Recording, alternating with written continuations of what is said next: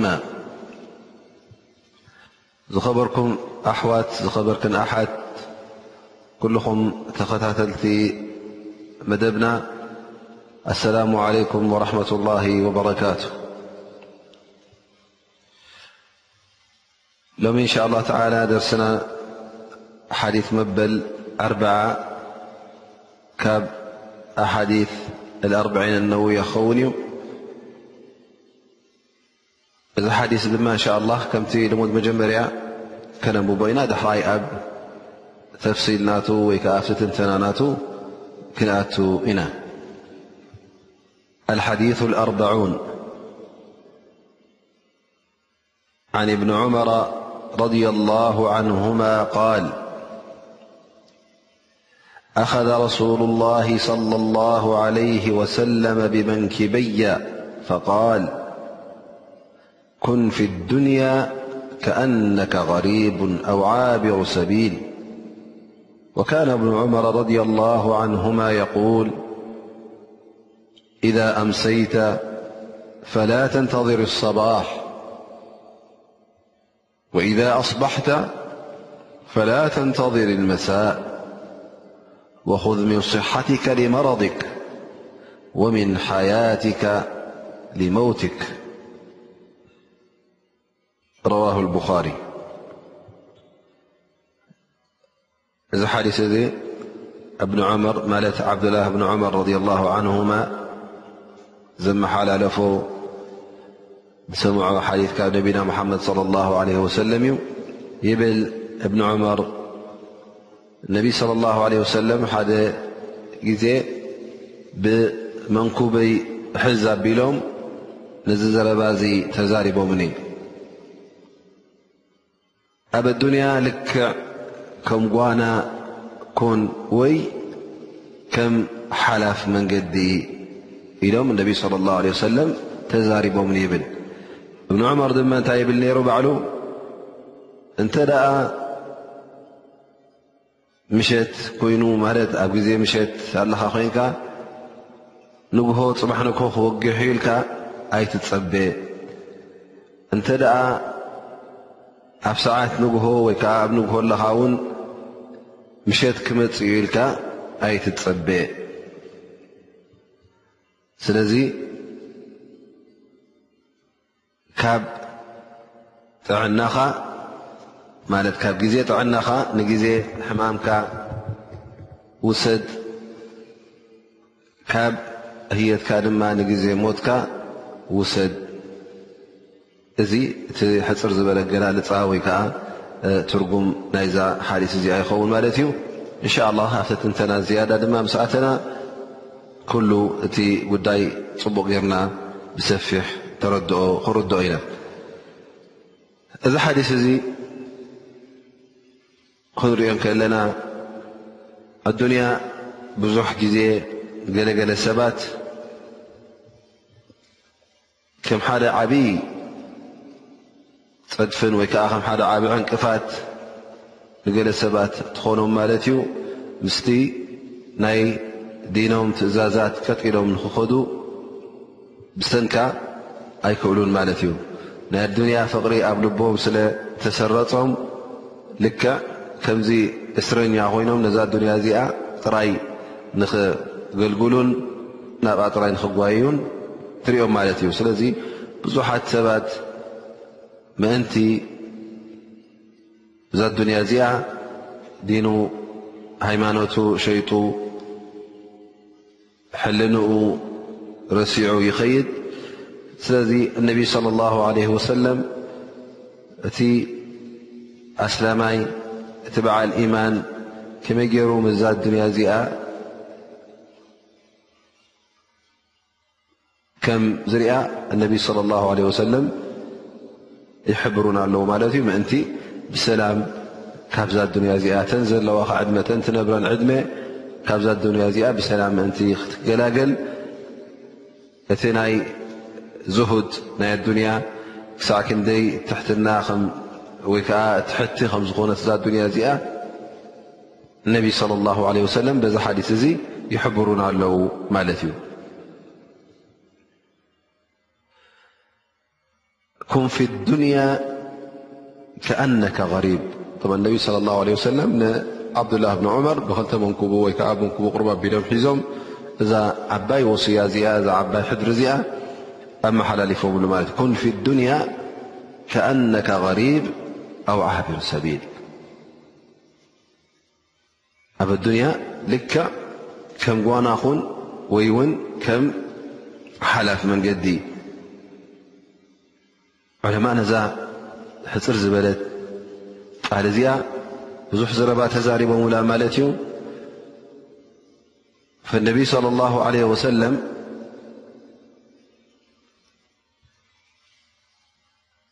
ልክዕ ንወዲ ሰብ ነቲ ፈራህ ረቢ ክኸውን ዝግብኦ ነቲ ናይ ዲኑን ናይ ኢማኑን ድልት ዘለዎ ሰብ እዚ ሰብ እዚ ልክዕ ከም ሪብ ሪብ ማለት ጓና ኣብ ሓደ ዓዲ ክመፅእ ከሎ ጓና ክኸውን ከሎ እንታይ ማለት እዩ እተ ዝኣተኻያ ዓዲ እ ዝኣተኻያ ከተማ መጀመርያ ግዜ ትመፅ ዘለኻ ዘይትፈልጣ ጓና እተ ኮይንካ ትነብሮ ገዛ የብልካ ማለት እዩ ጋሻ ኢኻ ክትከውን ስለዚ ትፈልጦ ሰብ ውን ኣይክትረክብን ኢኻ እሞ እንታይ ኢኻ ትብል ማለት እዩ እንተ ንገለ ነገር ደሊኻ ኣብዛ ከተማ እዚኣ ወይ ኣብዚ ዓዲ እዚ ኣቲኻ ኣለኻ እንታይ ክትከውን ኢኻ ታ ድድትካ ስራሕ ታ ድድትካ ነገር ጨሪስካ ንዓድኻ ንክትምለስ ኢኻ እቲ ናትካ ንያ ማለት እዩ ስለዚ እንተ ጓና ኮንካ ኣብ ሓደ ዓዲ መጀመርያ ግዜ ተኣትዎ ዓዲ ምስ ህዝቢ ዘይትፋለጥ ስለ ዝኾንካ ርክብ የብልካን ፍርሃት እውን ይስምዓካ ማለት እዩ ስለዚ እቲ ዓዲ እዘይ ዓድኻ ኮይኑ ስለ ዝረኣየካ ቀልጢፍካ ክትወፅእ ድልት ስለ ዘለካ ብዙሕ ኣይትግደሰሉን ኢኻ ማለት እዩ እንታይ ደኣ እታ ደምፃትካ ስራሕ ጨሪስካ ክትከይድ ጥራይኻ እቲ ናትካ ሃንቀውቀታ ስለዚ ከምዚ ትኸውን ማለት እዩ ኣው ዓቢር ሰቢል ወይ ውን ከም ሓላፍ መገዲ ሓላፍ መገዲ ውን ዝያዳ እንተ ርእና ካብቲ ጋሻ ብዝያዳ እቲ ሓላፍ መገዲ እቲ ጋያሻይ ክንሪኦ ከለና ምስቲ ኣብ መንገዲ ዘሎ መዕረፊታት ክዕርፍ እንከሎ ምስኡ ርክብ የብሉን ማለት እዩ። ምኽንያቱ ምናልባሽ ሓደ ጓና እንተ ኮይኑ ቐሪብ ክንብሎ ከለና ምናልባሽ ኣብቲ ዓዲ ንሓደ ለይቲ ንኸልተ ለይቲ ወይ ከዓ ይቕንኾ ውን ንገለ ጉዳይ ወይ ውን ኣብ መፃኣ ውን እቲ ናብራ ይዓጅቦ ኸውን ኮፍ ክብል ይኽእል እዩ ግን ሓላፍ መገዲ ብዝያዳ እንተዳርእናዮ ድማ እቲ ጉዕዞ ናቱ ኣብ በረኻ ኣብ ፀምፀም በረኻ ኮይኑ እቲ ኣብ መንገዲ ድማ ብዙሕ ሽግራት እዩ ዘጓንፍ እንታይ ከም ዘጓንፈካ እውን ኣይትፈልጥን ኢኻ ገያሻይ ቀደም ክገይሽ እንከሎ ብ ፀምፀም በረኻ ኣብ መሮር ኣብ ጫካ ይኣቱ ነይሩ እሞ ብዙሕ ሽግራት የጓንፎ ነይሩ ስለዚ እንታይ እዩ ዝደሊ ኩሉ ግዜ እዚ መንገዲ እዚ ቀልጢፉ ተዝጥቕለለሉ እዩ ዝምነ እቲ ግዜ ክነውሕ ኣይፈቱን እዩ ኣብ መንገዲ እውን እንተ ክዕርፍ ኮይኑ እንተ ክፀንሕ ኮይኑ እታ ንሸዓ እትኾኑ ነገር እተፅንሖ ነገር ንዓ እዩ ዘዳሉ ድኣ እምበር ናይ ነዊሕ ድልት ስለ ዘይብሉ ጥራይ ስንቁ ሒዙ ተንሒዝዎን ዘለዋ ስንቂ ይፈልጥ ኣሉ ድማ ንውሑዳት መዓልቲ ከም ምዃነን ንመዋእሉ ይኮናን ክሳዕ መጨረሻ ዕድሚኡ ክፀንሓ ኣይኮናን ምስ ዘን ስንቂ ዚአን ገያሻይ ስለ ዝኾነ እንታይ ደኣ ነተን ሰሙን ኹና ሓሙሽተ መዓልቲ ኹና ከምቲ መገሻ ሓሲቡ ዘሎ ንዕአን ዝዓፅዋሉ እየን ስለዚ ኣብቲ ቦታ እቲ ንክነብር ወይ ከዓ ኣብቲ በረኻ ኣብ መንገዲ ንክነብር ወላ ፍፁም ሓሳብ የብሉን እንተ ከፅልል ኮይኑ ብትሕቲ ገረብ እውን ንግዜኡ ይደጽለላ ደኣ እምበር ነዛ ገረብ እዚኣ ማይ ከስትያን ክቕምቅማን ከጸባብቓን ኣይትርእዮን ኢኻ ምኽንያቱ እንታይ እዩ ዝሰብ እዚ ንግዜኡ ስለ ዘዕርፍ ዘሎ እታ ጥቕሚ ዝረኸባ እንተ ኣለ ኮይና ነታ ሰዓት ይጥቀመላ ደኣ እምበር ካልእ ሓሳብ የብሉን ስለዚ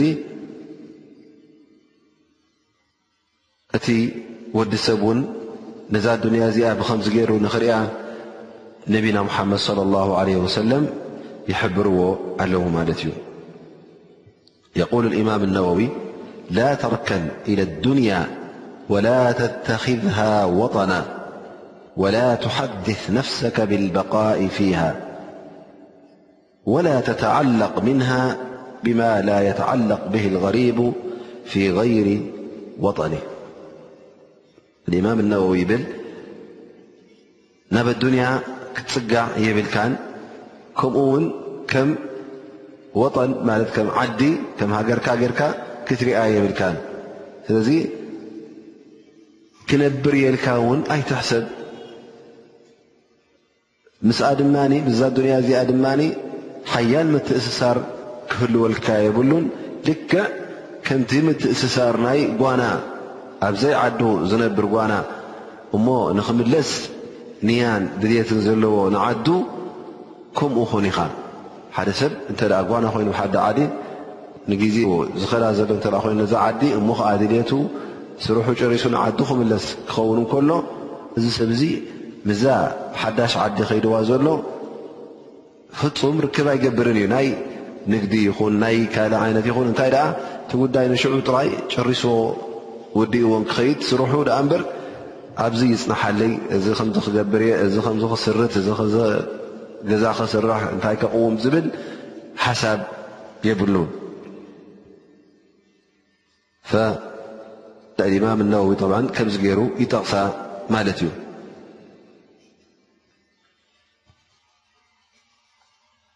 ገለ ዑለማ ብዛዕባ እዚ ሓዲስ እዚ እውን ክዛረቡ ከለዉ ነቢይ صለ ላሁ ለ ወሰለም ኣብዚ ሓዲስ እዚኣ ክልተ ነጥቢ ነጊሩና ይብሉ እታ ቀዳመይቲ ይብሉ ወዲ ሰብ ከምቲ ገያሻይ ዓቢሩ ሰቢል ሓላፍ መንገዲ ክበሃል እንከሎ ሓላፍ መገዲ እሞ ኸዓ ክኸይድ እንከሎ ንዓዱ ዝኸይድ ዘሎ ማለት እዩ ኣብቲ ዘድልዮ ቦታ ንኽበፅሕ ወዲ ሰብ ልክዕ ከም ሓደ ልኡኽ ተላኢኹ ኣገልጋሊ ኮይኑ ወይ ከዓ ስራሕተኛ ኮይኑ እቲ ዘስርሖ ዘሎ ሰብ ናብ ሓንቲ ስራሕ ልኢኽዎ እሞ ናብቲ ዓዲ እዚኣ ኣብፅሕካያ ምፃእ ከምዚ ክብሎ ከሎ እንታይ እዩ ዝገብር እዙ እዚ ተላእከ ሰብ ትእዛዝ ናይተይ ዋና ስራሕ ንኸብፅሕ ትኽ ኢሉ እታ ተላእካ ትኽ ኢሉ የብፅሓ ማለት እዩ ኣብፅሕዋ ድማ እናተቐላጠፈ ናብ ቦትኡ ይምለስ ማለት እዩ። ብዘይ ገለ ነገር ኣብ መንገዲ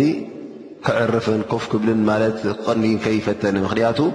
ተልእኾ ኣላቶ እታ ተልእኾ ናቱ ንኸብፅሕ ስለ ዝኾነ ከምታ በዓል ስራሕ ዝኣዘዞ ነታ ስራሕ ገይርዋ ይምለስ ማለት እዩ። ኢዘን ከምዚ ክኸውን ኣለዎ ይብሉ ማለት እዩ። ፈሙእሚን ኩሉ ግዜ ምዛ ነዛ ኣዱንያ እዚኣ ከም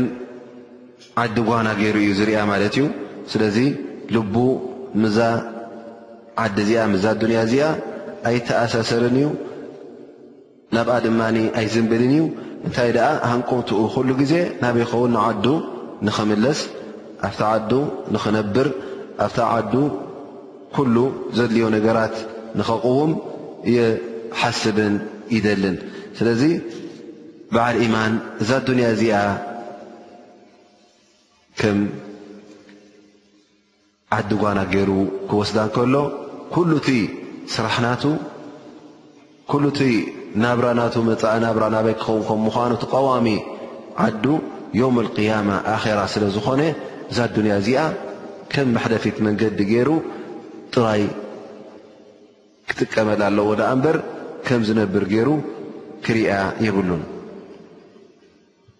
ስለዚ እታ ዓብዱላህ እብኒ ዑመር እብኒ ዑመር ረድያ ላሁ ዓንሁማ እውን እታ ዝሃባ መልእኽትን ወስያን እንተ ደኣ ርኢና ካብዚ ሓዲስ እዚ መንዚዑ ዘውፅኣ ፋይዳ እንተ ርኢና እንታይ ይብል እብኒ ዑመር ኢዛ ኣምሰይተ ፈላ ተንተظር ሰባሕ ወኢዛ ኣስባሕተ ፈላ ተንተظር መሳእ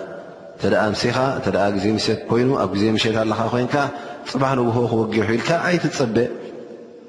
ኣብ ወጋሕታ ኣብ ንግሆ እንተ ኣለኻ ኮይንካ ድማ ብ ግዜ ወጋሕታ ክመስ ኢልካ ኣይትጸበ ምክንያቱ ተስፋናትካ ሓጺር ተስፋ ክኸውን ኣለዎ ምክንያቱ እቲ ዕድመናትካ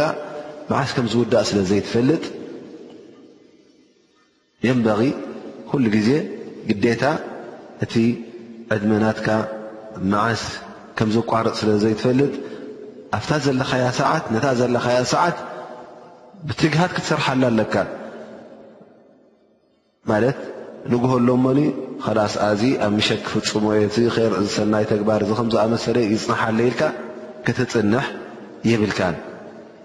እንተ ደኣ እዚ ስምዒት እዝለካ ኩሉ ግዜ ድማ እንታይ ዩ እዛ ኣዱንያ እዚኣ ክሳዕ ክንደይ ቀላል ከም ምዃና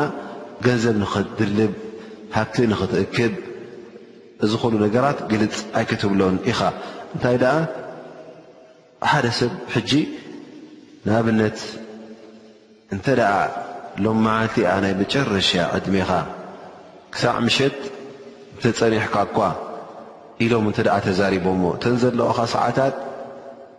ፋሉ ኣይኮነ ዶ ዓሰርተ መዓልቲ ሰሙን ወርሒ ዓመት ክበሃል እንታይ ደ ዓሰርተ ሰዓት እየን ጥራይ ተሪፈናኻ ኣለዋ እንተተባህለ እንታይ ይገብር መስለኩም ዝሰብ እዙ እንታይ ይገብር በዓል ገዛ ንኽሰርሕ ይሓስብ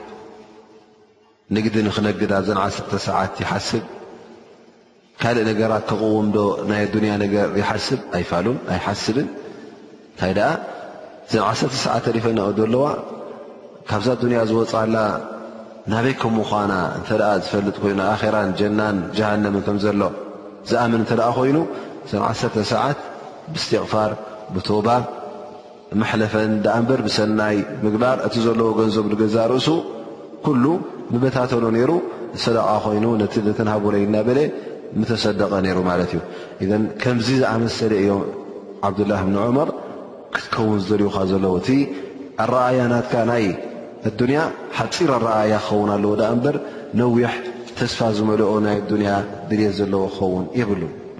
ኢዛ ኣምሰይተ ፈላ ተንተظር صባሕ እንተደኣ ግዜ ምሸት ኮይኑ ንጎ ክመጽእ ኢልካ ኣይትጸበ መን ኢሉካ ንኮ ክመጽእ እዩ ኣላ ስብሓን ወተዓላ መዓስ እዛ ሩሕካ እዚኣ ከም ዝወስዳ ኣይትፈልጥን ኢኻ ስለዚ ተጠንቀቕ ፅባሕ ንግሆ ኣሎ ኢልካ ወይ ከዓ ክወግሕ እዩ ፅባሕ የርክበሉ እየ ኢልካ እቲ ናይ ኣኼራ ነገር ሰናይ ነገር ከተጽንሖን ከተደናጉዮን የብልካን ንግሆ እንተ ኮይኑ ብንግህኡ ኩሉ ስራሕ ምሸት እተ ኮይኑ ኣብ ማስያዓ ኣብቲ ምሸትካ ስራሕ ንፅባሕ ይፅናሓለይ ዝበሃል ክህልወካ የብሉን ኣ እታ ዕምሪ እንተ ኣጀልናትካን ኣይትፈልጣን ኢኻ ከምኡ ውን ካብቲ ሕድሪ ን ዓብዱላህ ብን ዑመር ረድ ላሁ ዓን ውን ዘመሓላለፉልና ኣብዚ ሓዲስ እዚ እንተ ርእና እንታይ ይብሉ ወኹዝ ምን ስሓትካ ሊመረድክ ወምን ሓያትካ ሊመውትክ ዓባይ ወስያ ዓባይ ሕድሪ እያ እዚኣ እውን ካብ ክታብ ረብን ካብ ሱና ነብን ዘምፅእዋ ሕድሪ ትኸውን ማለት እዩ ምኽንያቱ እቲ ግዜ ጥዕናኻ ግዜ ክእለትካ ኣብ ምእዘዛ ከተሕልፎ ኣብ ጣዓት ላህ ከተሕልፎ ከም ዘለካ እዮም ዝሕብሩ ዘለዉ ማለት እዩ እዚ ምእዘዛ እዚ ዋጅብ ይኹን ግዴታ ክትገብሮ ዘለካ ወይ ከዓ እቲ ፍት ነገራት ኣላ ስብሓን ወተዓላ ዝፈትዎ ይኹን ኩሉ ነገራት ኮታ ዒባዳ ዝበሃል ወይ ከዓ ሰናይ ተግባር ምስልምና ተማእዘዘ ኣብ ሸርዒ እስልምና ተሓበርካዮ ነገራት ኩሉ ኣብቲ ግዜ ጥዕናኻ ንክትገብሮ ክትጓየ ኣለካ ማለት እዩ ምክንያቱ ወዲ ሰብ እንተ ሓሚሙ ብዙሕ ነገራት ክሓልፎ እዩ ብዙሕ ነገራት እውን ክገብር ኣይክኽእልን እዩ ስለዚ እንተ ንሕና ብ ግዜ ጥዕናና ኣለና ኣብቲ ዓፍያና ንረኽበሉ ግዜ እተ ኣለና ኮይና እቲ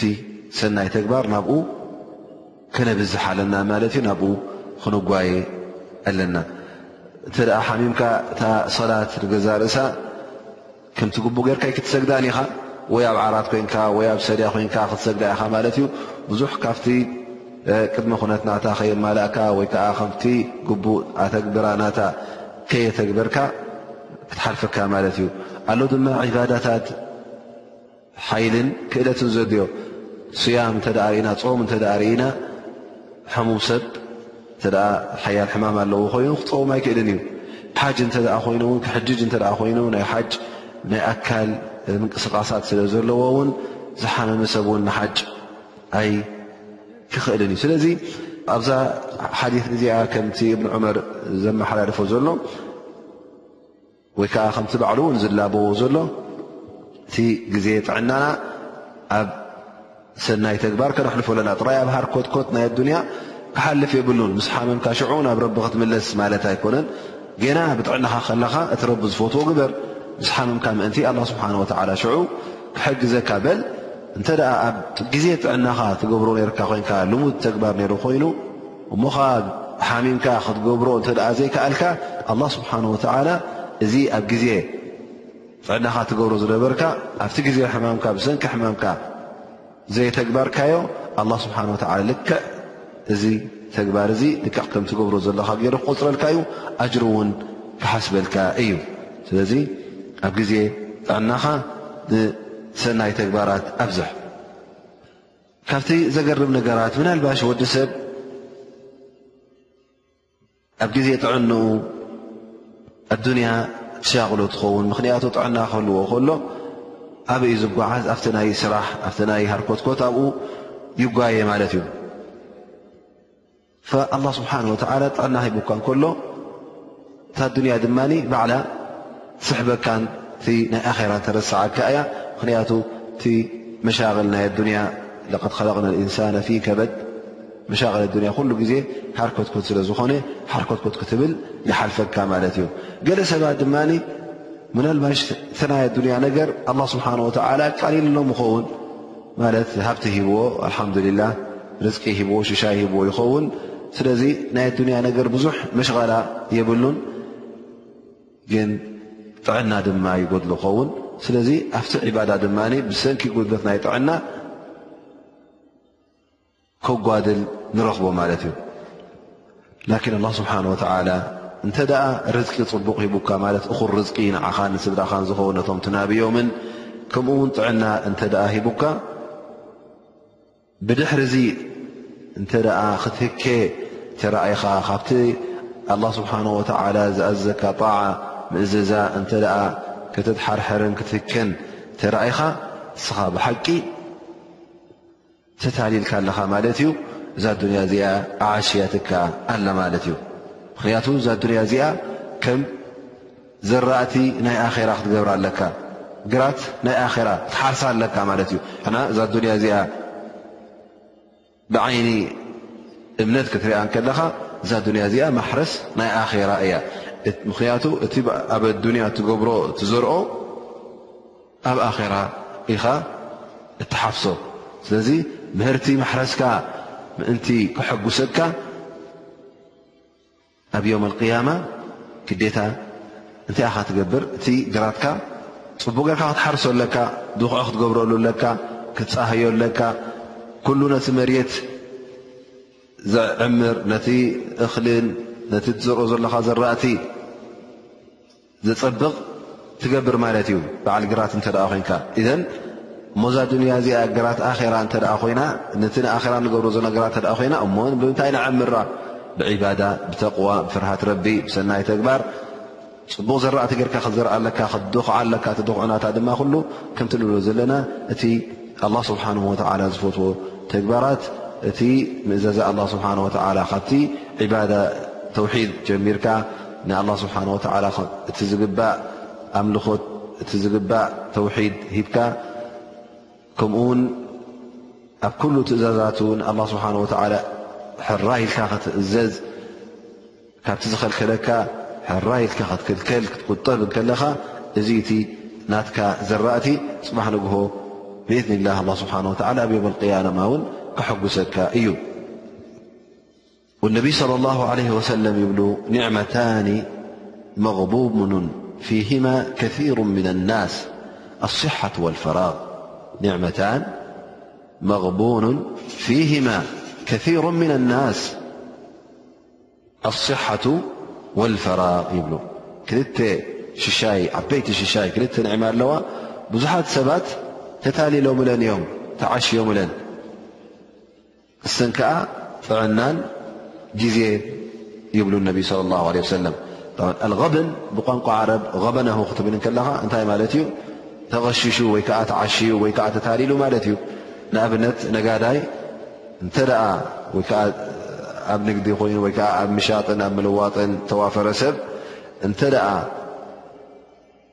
ክገዝእ ከሎ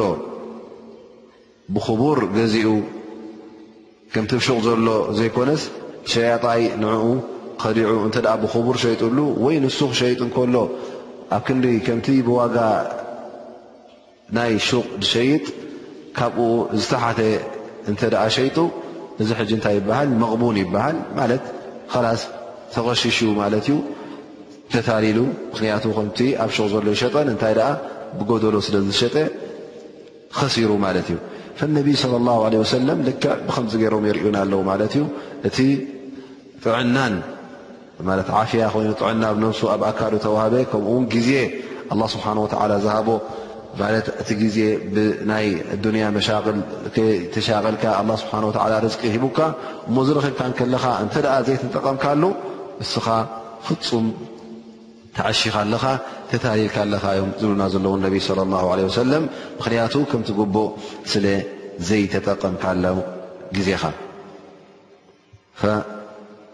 ቁርን እውን እንተ ደኣ ርኢና ኣላ ስብሓን ወተላ እንታይ ይብለና ወተዘወዱ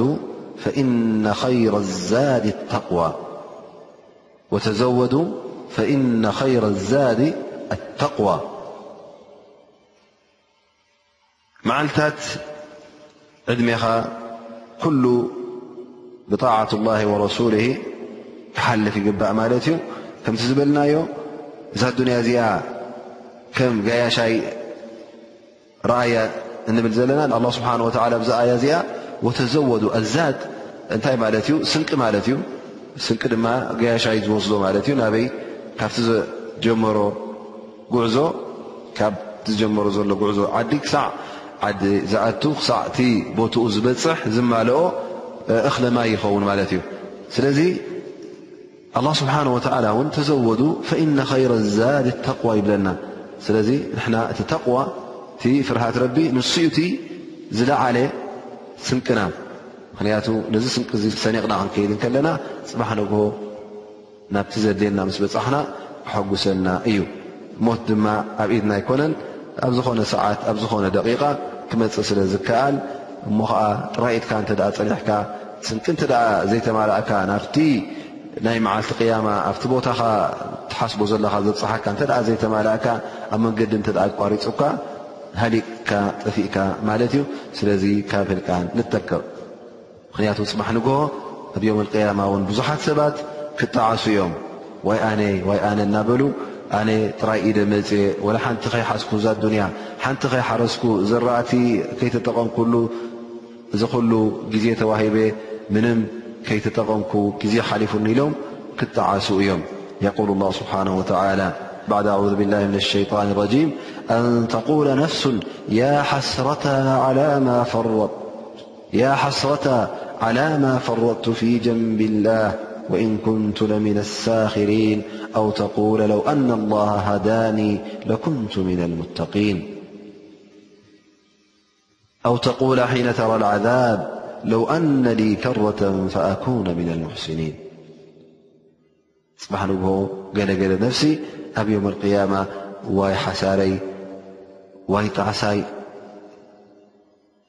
ኦ ሓሳረይ ኦ ጣዕሳይ እናበለት ክትዛረብ እያ። ስለምንታይ? ስለቲ ጉድለት ተረኸበ። በቲ ዘርኣየቶ ጉድለት ኣብ ኣዱንያ ከላ እዛ ነብሲ እዚኣ ትላገጽ ነይራ። ወኢን ኩንቱ ለሚነ ሳኪሪን ነቶም ኣህለል ኢማን ነቶም ሰብ ር ሰናይ ክገብሩ ከለዉ ኣንቱም እንታይ ኹም ትገብሩ ዘለኹም ስኦልኩም ነብስኹም ተትኩሙ ኣለኹም እናበሉ ይስሕቅዎም ነይሮም ማለት እዩ። ሽዑ ግን እቲ ሓቂ ብዓይኒ ምስ ረኣየቶ እዛ ነፍሲ እዚኣ እንታይ ክትብል እያ ያ ሓስረታ ዋይ ሕስረተይ ዋይ ጣዕሳይ ኦ ጥፍኣተይ ኢሉ እዛ ነፍሲ እዚኣ ክትጣዓስ እያ ግን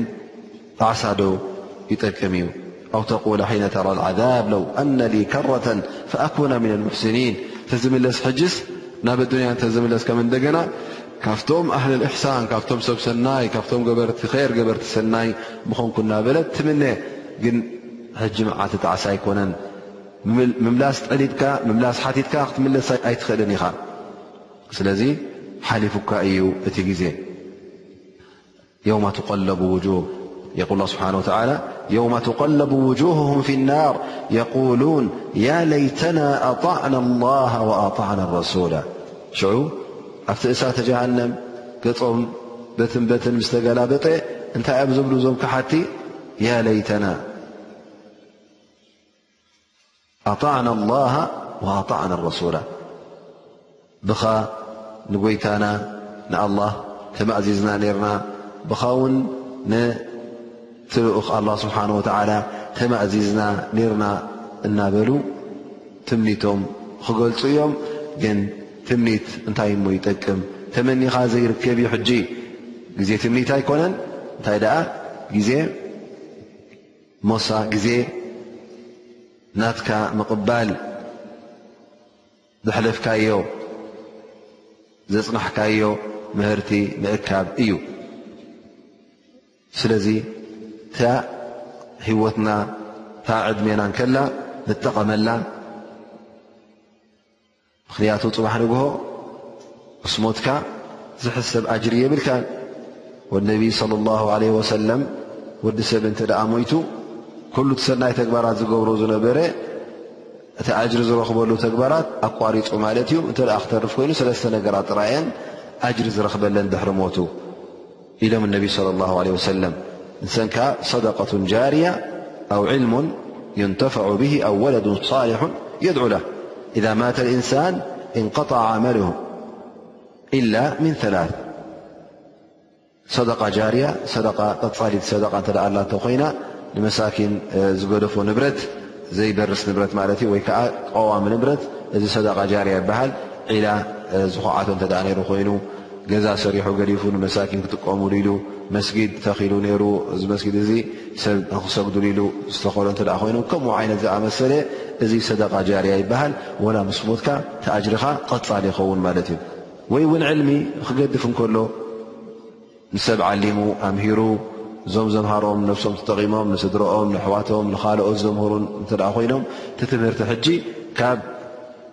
ካብ ወለዶ ናብ ወለዶ እናሰገረ ክኸይድ እንከሎ እዚ ዕልሚ እዚ ይጥቀምሉ ኣለዉ ማለት እዩ ስለዚ በቲ እሱ ዝዓለሞ ነዞም ዝዓለሞም ሰባት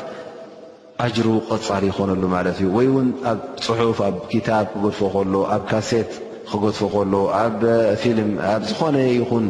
ማዕከን እንተ ገዲፎ ድማ ብድሕሪኡ ሰብ ክጥቀምሉ ክኢሎም በዚ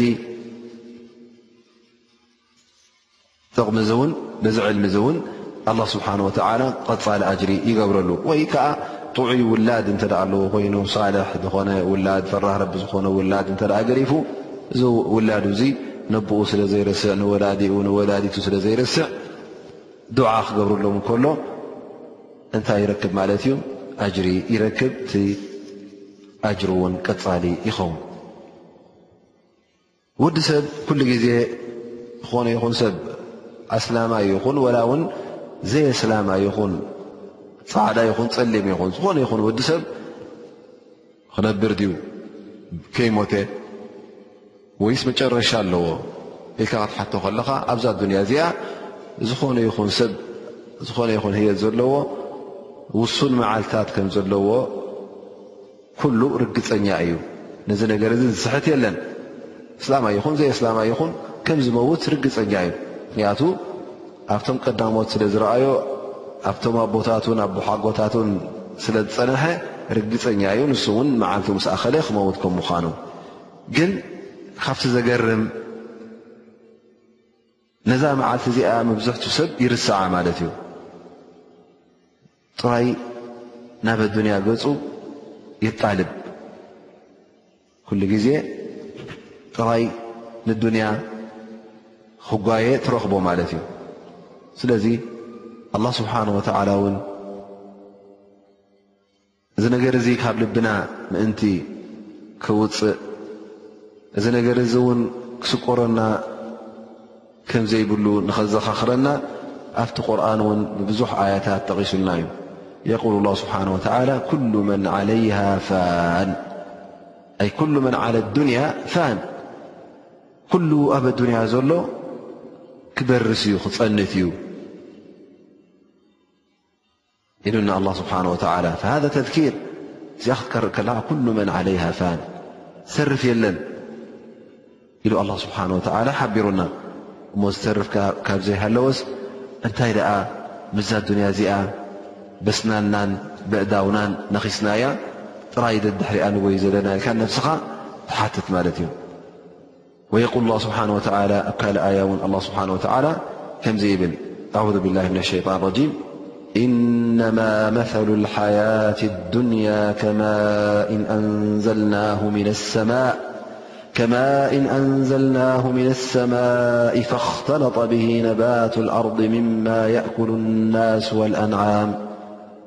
حتى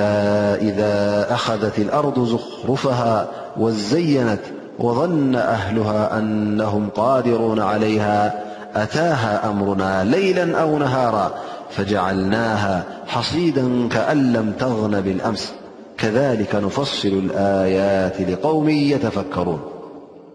الله سبحانه وتعالى أفز يا زئا እዛ ኣዱንያ እዚኣ እንተ ደኣ ክትፈልጥዋ ደሊኹም ልክዕ ከምዛ ዝበኩም ዘለኹ ምስላ ወይ ከዓ ተመሳሳሊት ናይዛ ዝብለኩም ዘለኹ ነገር እያ ይብለና ማለት እዩ ኢነማ መሉ ሓያት ኣዱንያ ህወት ናይ ኣዱንያ ልክዕ እታ ኣብ ዱንያ ትርእዋ ዘለኹም ከምኣ ከምዛ ኣላ ስብሓን ወተዓላ ማይ ዘውርድ ማለት እዩ ካብ ሰማይ ከማ ኢን ኣንዘልናሁ ምና ኣሰማእ ኣዱንያ ክትርእዋ እንተ ደኣ ደሊኹም ክብረታን ዕድመናታን እቲ ብልፅግናናታን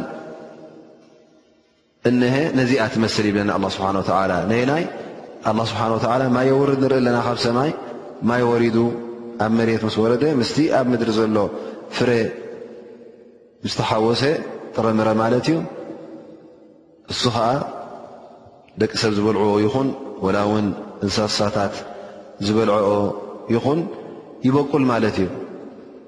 ሓታ ኢዛ ኣኸዘቲ ኣርዱ ዝኽሩፋ ሽዑ እቲ ማይ ወቒዑ እቲ ፍረ ምስ ተረኸበ ናይ ሰብ ዝበልዖ ኮይኑ ናይ እንስሳ እዛ መሬት እዚኣ ለምለም ትኸውን ትፅብቕ ትምልክዕ ኩሉ መልክዓ እውን ትለብስ ማለት እዩ ፍዮሪ ይኹን ኣበባ ይኹን ዕምባባ ይኹን ኣዝመራ ይኹን ኩሉ እዚ መሬት እዚ ክትሪኦ ከለኻ ደስ ይብለካ ማለት እዩ እሞ ሽዑ ኣብዚ ምስ በጸሐት እቲ እኽሊ ምስ ፈረየ እሞ ኸኣ እቶም ዋናታት ተሓጒሶም ኸላስ ሕጅስ ግዜ ማእቶት ኮይኑ ማእቶትና ኸነእቱ ኢና ምህርትና ክንእክብ ኢና እናበሉ እንከለዉ ትእዛዝ ኣላ ስብሓን ወተዓላ መፅኡ ነዚ ዝራእቲ እዚ ነዚ ፅቡቕ ንሪኦ ዘበና ለይቲ ይኹን ወይ መዓልቲ ትእዛዝ ኣላ ስብሓን ወተዓላ መፅኡ ሕምሽሽሽ ከብሎ ከሎ ስብርብር ከብሎ ከሎ ከንቁፆ ከሎ ትማሊ ከምዘይ ነበረ ክገብሮ ከሎ ኣላ ስብሓን ወተዓላ እንታይ ትኸውን ማለት እዩ ሕጂ እታ ጉዳይ ክትሪኣ እንከለኻ ተገማጢላ ማለት እዩ ፈዱንያ ኣላ ስብሓን ወተዓላ ልክዕ ከምዚኣ እያ ግዜያዊት እያ እነሀ እዛ መሬት እዚኣ መዓስ ለምለም ነይራ እሞ ኸዓ ብሓንቲ ሳዕ ብሓንቲ ለይቲ ብሓንቲ መዓልቲ ኣላ ስብሓን ወተዓላ ክሓማሽሻን ከድርቓን ከቕህማን ክኢላ እዩ ማለት እዩ ስለዚ እሞ ሓንቲ ከይተጠቐምካላ ክጥቀመላ እያ እናበልካ ከለኻ እዛ ዱንያ እዚኣ ኣላ ስብሓን ወተዓላ ንዓኻ እታ ዝወሰነልካ መዓልቲ ክወስደካ እንከሎ ክትመውት እንከለኻ እንታይ እሞ ክኸውን እዩ እቲ ኩሉ ኣብ ኣዱንያ ዘሎ ሽሻይን ርዝቅን ወላ ሓንቲ ፋኢዳ ከም ዘይብሉ ይርድኣካ ማለት እዩ ስለዚ እቲ ባርያ ኣላ ናይ ብሓቂ እንተ ኣላ ስብሓን ወተዓላ ኣብ ልቡ ብርሃን መሊኡሉ ኮይኑ እዛ ኣዱንያ እዚኣ ከመይ ከም ምዃና እቲ ናታ ባህሪ ክፈልጦ እዩ ባህሪ ናታ እተ ፈሊጡ ድማ ፍፁም ከተዐሽዎ ኣይትኽእልን እያ ናብኣ ድማ ፈጺሙ ኣይምርኮስን ኣይጽርጋዕን እዩ። እንታይ ደኣ ሃንቀውታ ናቱ ንየውም ኣልቅያማ ናብቲ ዝምለሰሉ መዓልቲ ናብቲ ናይ መዓልቲ ቅያማ ናብኡ ቁሊሕ ክብል ስለ ዝኾነ እቲ ቆላሕታ ናቱ ናብኡ ክስሕቦ ናፍቲ ኣራ ክስሕቦ ስለ ዝኾነ ነዛ ኣዱንያ እዚኣ ከም ስንቂ ከም ግራት ክገብራ ይኽእል ማለት እዩ። ስለዚ እዛ ሓዲስ እዚኣ በዚ ትድምደም። ኣብ መጨረሻ ድማ ምናልባሽ እክብ እክብ ከነብሎ እተ ኮይና እቲ ዝወሰድናዮ ፋይዳታት እንታይ ንርኢ ማለት እዩ እነቢይ صለ ላه ለ ወሰለም ነቶም ብፆቶም ከምህሩ ከለዉ ይዕበዩ ይንኣሹ ብዘየገድስ እብኒ ዑመር ሕጂ ዓብዱላህ ብኒ ዑመር ካብቶም ንኣሽቱ ኣስሓብ ነቢ እዩ ዝቁፅር ነይሩ ላኪን ነቢ ለ ላ ለ ወሰለም ነዚ ሰብ እዚ ነዚ ሰዓቢኦም እዚ ኣቕሪቦም ኣብ ጎድኑ ቐሪቦም ሕቑፍ ኣቢሎም ብመንኩቡ ሕዝ ኣቢሎም ነዚ ትእዛዝ እዚ ወይ ከዓ ነዛ ወስያ ነዛ ለበዋ እዚ እዚኣ ኣመሓላሊፎምሉ ማለት እዩ እዚ እንታይ ዘርእየና ማለት እዩ ሕጂ ኣብ መንጎቲ መምህርን ተማሃርንሲ ፅቡቕ ርክብ ክህሎ ከም ዘለዎ ናይ ፍቕሪ ናይ ስኒት ክህሉ ከም ዘለዎ እቲ ተማሃራይ ድማ ከምዚ ጌርካ ኣቕሪብካ ክትመኽሮ ከለኻ እቲ ምኽርኻ እውን ፅቡቕ ይቕበሎ ማለት እዩ እቲ ኣብ መንጎ ኣስሓብ ነብይን ነቢና ሓመድን ለ ላ ሰለም ዝነበረ ፍቕሪ እውን ከመይ ከም ዝነበረ ነቢ ስ ሰለም እቶም ብፆቶም ይፈትዎም ነሮም ንኦም እሶም ይፈትዎም እቲኦም ውን ይፈትዎም ነሮም ስለዚ ኣብ መንጎኦም ዓብዪ ፍቕሪ እዩ ነይሩ ማለት እዩ እቲ ሙእሚን ድማ ብዝያዳ እቶም ዑለማእ ዝበሃሉ እቶም መራሕቲ ሃይማኖት ዝበሃሉ መራሕቲ ዲን ምስቲ ህዝቦም ምስቲ ኣስላማይ ኩሉ ፅቡቕ ፍቕርን ስኒትን ምውህሃድን ክህልዎም እንከሎ እንታይ ይኸውን ማለት እዩ እቲ ዳዕዋናቶም ውን እቲ ቃሎም ውን ተሰማዕነት ይረክብ ኣብ ርእሲኡ ድማ ንርኢ እነቢ ስለ ላ ለ ሰለም ክሳዕ ክንደይ ይግደሱ ነይሮም እቲ ኸይርቲ ሰናይ ንኸብፅሕዎ ማለት እዩ ናብ እማ ናብቶም ብፆቶም ዓበ ንእሽተይ ከይበሉ ናብ ኩሉ የብፅሕዎ ነይሮም ማለት እዩ ቀሪቦም እውን የስምዕዎም ነይሮም ኣብዚ ሓዲስ እዚ ድማ እንታይ ርኢና ማለት እዩ እቲ ሰናይ ነገራት እንተ ክንገብሮ ኮይና ንፅባሕ ንድሕሪ ፅባሕ ይፅንሓለይ እናበልና ከነደናጒ ከም ዘይብልና ተረዲእና ማለት እዩ እንታይ ደኣ ክንጓየ ኣለና ምክንያቱ እዛ ሎ መዓልቲ እዛ ሰዓት እዚኣ ተዋሂባትካ ዘላ ዕድል ምናልባሽ ፅባሕ ኣይትረኽባን ትኸውን